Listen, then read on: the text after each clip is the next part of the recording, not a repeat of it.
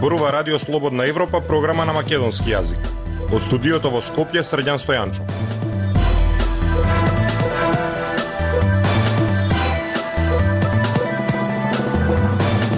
Ја слушате емисијата на Радио Слободна Европа, почитувани. Во неа објавуваме Загинатите во автобуската несреќа во Бугарија починале од задушување со чат. Пронајдени се 44 тела. Граѓаните скептични за вакцина против COVID-19, но не и за новите лекови. Предистражна постапка во ТВ Алфа. Вработените не зеле плат. Слушајте не.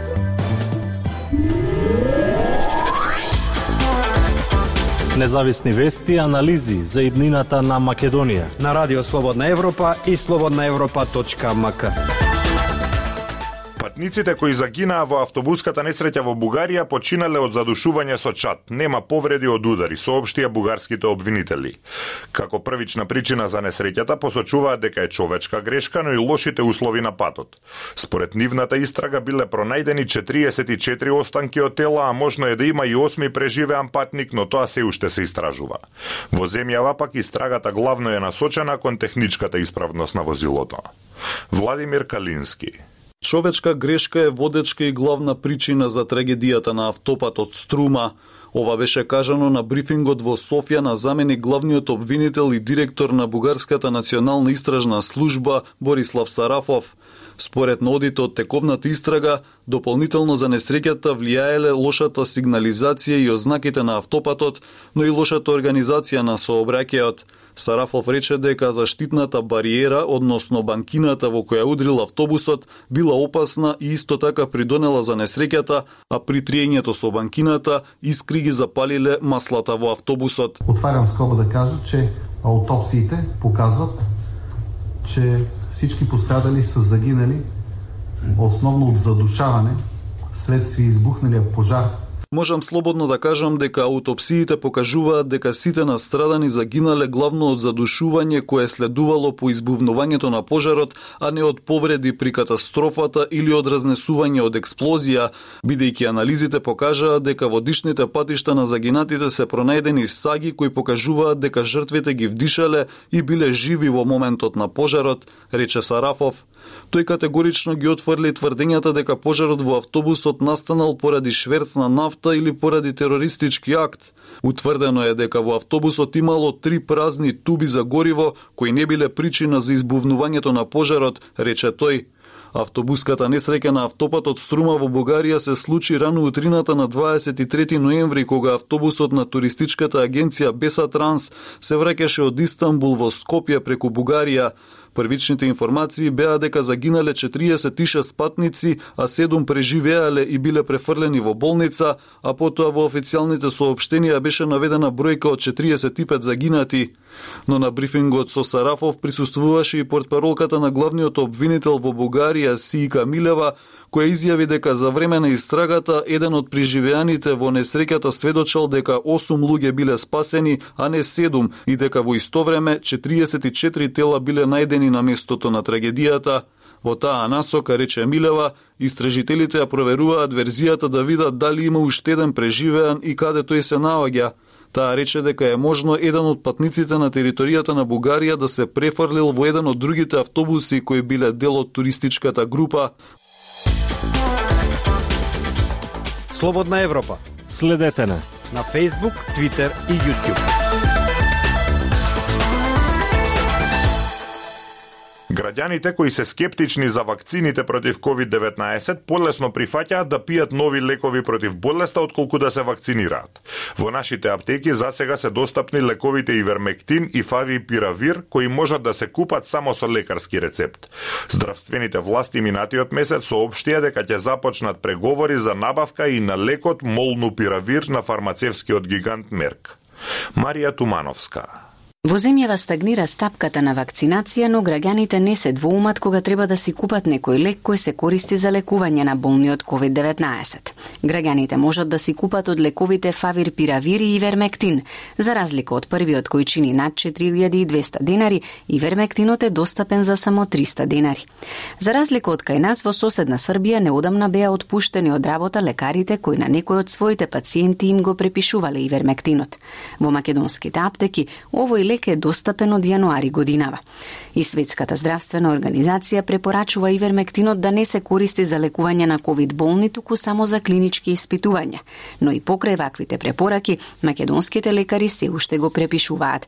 Доктор Лидија Чолакова Дервишова од Сдруженијето на матични лекари вели дека го препишува овој лек и смета дека пациентите имаат добри резултати. Вермектин се користи 2 мг на килограм телесна тежина, како се дозира така да нашата држава поверение и на тоа спасивме многу човечки живот. Фармацевските компании постојано создаваат антивирусни лекови кои би требало да ја ублажат клиничката слика кај ковид болните и да ги заштитат од смртен исход.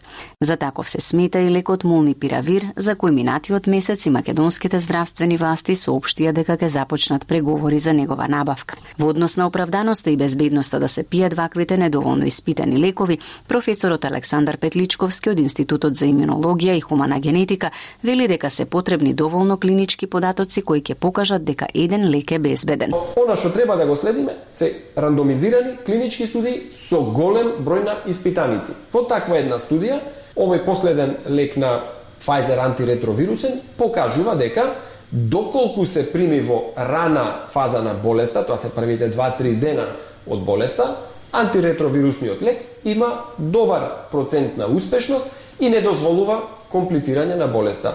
Клучното е да не се залетуваме, како што неколку пати во минатото прогласивме измислување на ефикасен лек за сите пациенти, значи треба да се држиме до клиничките испитувања и така да ја проценуваме ефикасноста. Во однос на ивермектинот, тој подсетува дека на почетокот кога лекот се испитувал во лабораториски услови, истиот покажувал голема ефикасност, додека во реални услови кога се работело со пациенти, тој не ги дал истите резултати. Дайте ни 15 минути и ние ќе ви го дадеме светот. Слободна Европа.мк Обвинителството води предистражна постапка за Алфа телевизија. Полицијата неделава извршила увид во телевизијата постапувајќи по наредба на обвинителството. Директорот на Алфа тврди дека една година во телевизијата има финансиска полиција. Во меѓувреме вработените во Алфа штрајкуваат поради неисплатени плати, па телевизијата не емитува авторски новинарски содржини. Директорот тврди дека платите доцнат само 8 дена. Фросина Димеска. Предметот за телевизијата Алфа е во предистражна постапка, а согласно законот тоа е постапка за прибирање на докази во фаза кога кривичното дело или неговиот сторител се уште не се откриени во целост. Ова одговорот од јавното обвинителство на прашањето на Радио Слободна Европа дали обвинителството води постапка за телевизијата Алфа, под какво сомнение од кога е почната. Воедно, преку меѓународна правна помош побарани се податоци и информации од земји за кои јавниот обвинител смета дека може да се обезбедат релевантни податоци што се од значење за понатамошниот тек на постапката и донесувањето на јавно обвинителската одлука, наведуваат од обвинителството. Ова следува од како неделова телевизијата објави дека Министерството за внатрешни работи, односно Бирото за јавна безбедност, направиле ненајавен упад во Алфа, но директорот на Алфа Јани Бојаджи има поинакви тврдења.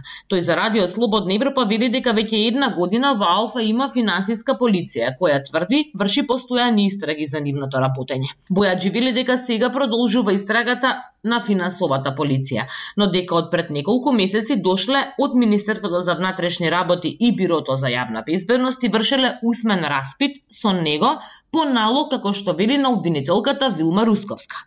Во вторникот додава Бојаджи, истите инспектори дошле со писмен налог. Поварат да прецизираат чобарат. Парат документи во врска со правење на веб страница. Дробни пари. Пара извештај во врска со позајмица која ние сме ја направиле од компанија која е во, во поврзана компанија до нашето друштво и тоа се пари кои ние сме ги добили пред два месеци за исплати на плати од државата Република Словенија, членка на Европската Унија.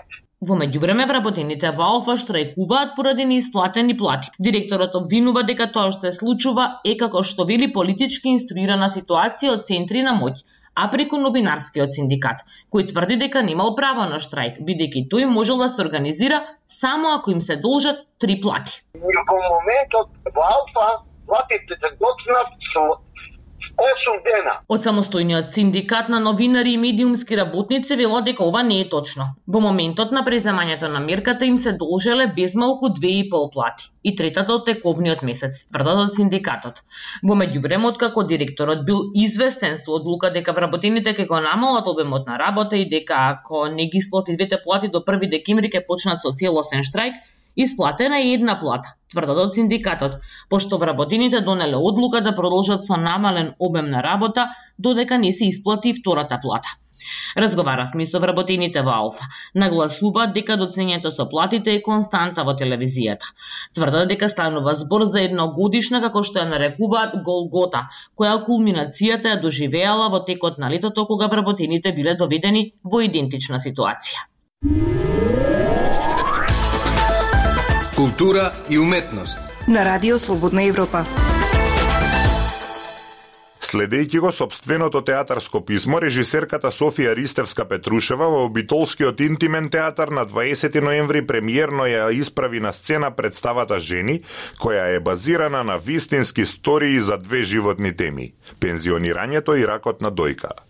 Повеќе од Лјупчо Јолевски. Софија Ристевска Петрушева и Интимен театар во изминатава недела пулсираат во ритмот на својата нова представа Жени. Овој пат фокусот во вашиот документарен театар го насочувате кон две животни теми – пензионирањето и ракот на дојка. Како настана проектот? Интересно за нашата најнова представа Жени е тоа што во неа играат три жени што не се актерки, значи се натуршчици, воопшто немаат не се едуцирани актерки. Две од нив се веќе во пензија, изборуваат повеќе за нивниот живот во овие пензионерски години, а третата е медицинска медицинска сестра која што исто така зборува за незината борба со ракот на дојка и во процесот на создавање на оваа представа можевме многу јасно да видиме како театарот влијае позитивно врз квалитетот на живот на овие жени, како тие се чувствуваат ангажирани, анимирани и видовме како во ова време на пандемија психолошки притисоци баш театарот значително го подобри, го стабилизира комплетниот живот на овие жени, нивното ментално здравје, така да за нас, за мене како режисер беше многу важно да видам како театарот влијае врз животот на луѓето. Колку тие со нивното искуство, нивната храброст и отвореност можат да ги мотивираат луѓето од партерот полесно да се справуваат со она што сите нас не тишти. Споделувањето во јавност на сечија животна приказна може многу да инспирира и да мотивира. Ние им пристапивме на повеќе од 10 жени за да учествуваат во нашата представа, но не сите ја имаат таа потребна храброст и сила да застанат отворено пред публиката и да зборуваат за себе, да говорат за своите теми и проблеми. Само три жени се нафатија да одговорат на овој предизвик и нивниот импакт врз публиката на вистина е огромен и тоа се гледа со секоја изведба на представата. Секоја изведба на нашата представа е нова комуникација помеѓу самата представа, самите учеснички, помеѓу трите жени и публиката. И со ваков тип на документарни представи, каде што обичните граѓани ја завземаат театарската сцена, се дава надеж дека никој не е сам во своите проблеми и дека секогаш има надеж и помош за секого. И во оваа представа, како во последниве неколку години, наново се исправате за ден на актуелна платформа. Учеството на локалното население во современ театар. Како во европски тренд е примен во вашата творечка и животна средина? Станува ли театарот орудие за промена на состојбите во општеството? Дефинитивно театарот е и од секогаш бил алатка за промена и за потенцирање и критикување на состојбите во општеството. Интимен театар веќе подолго време ја развива својата платформа за учество на граѓани од нашата локална заедница во нашите театарски продукции, затоа што на тој начин театарот навлегува и во социјално-обштественото живење на самите граѓани. Давајќи им од една страна простор за активно граѓанско активистичко делување, а од друга страна има овозможува квалитетно збогатување на нивното секојдневие. Значи, кога обични луѓе, обични граѓани се занимаваат со театар, кои што не име театарот основна професија, тие имат шанса да зборуваат активно, активистички за она што го мислат, чувствуваат, за нивните политички сегменти. Значи имаат право да зборуваат, а од друга страна имаат шанса да го збогатат своето секојдневие. Овој принцип на обединување на уметност и граѓанскиот активизам во Европа е многу распространет и многу активно користен во многу локални заедници. Ви благодарам на разговорот. Ја слушавте емисијата на Радио Слободна Европа на македонски јазик. Со вас беа продуцентот Дејан Балаловски и Средјан Стојанчо. До слушање.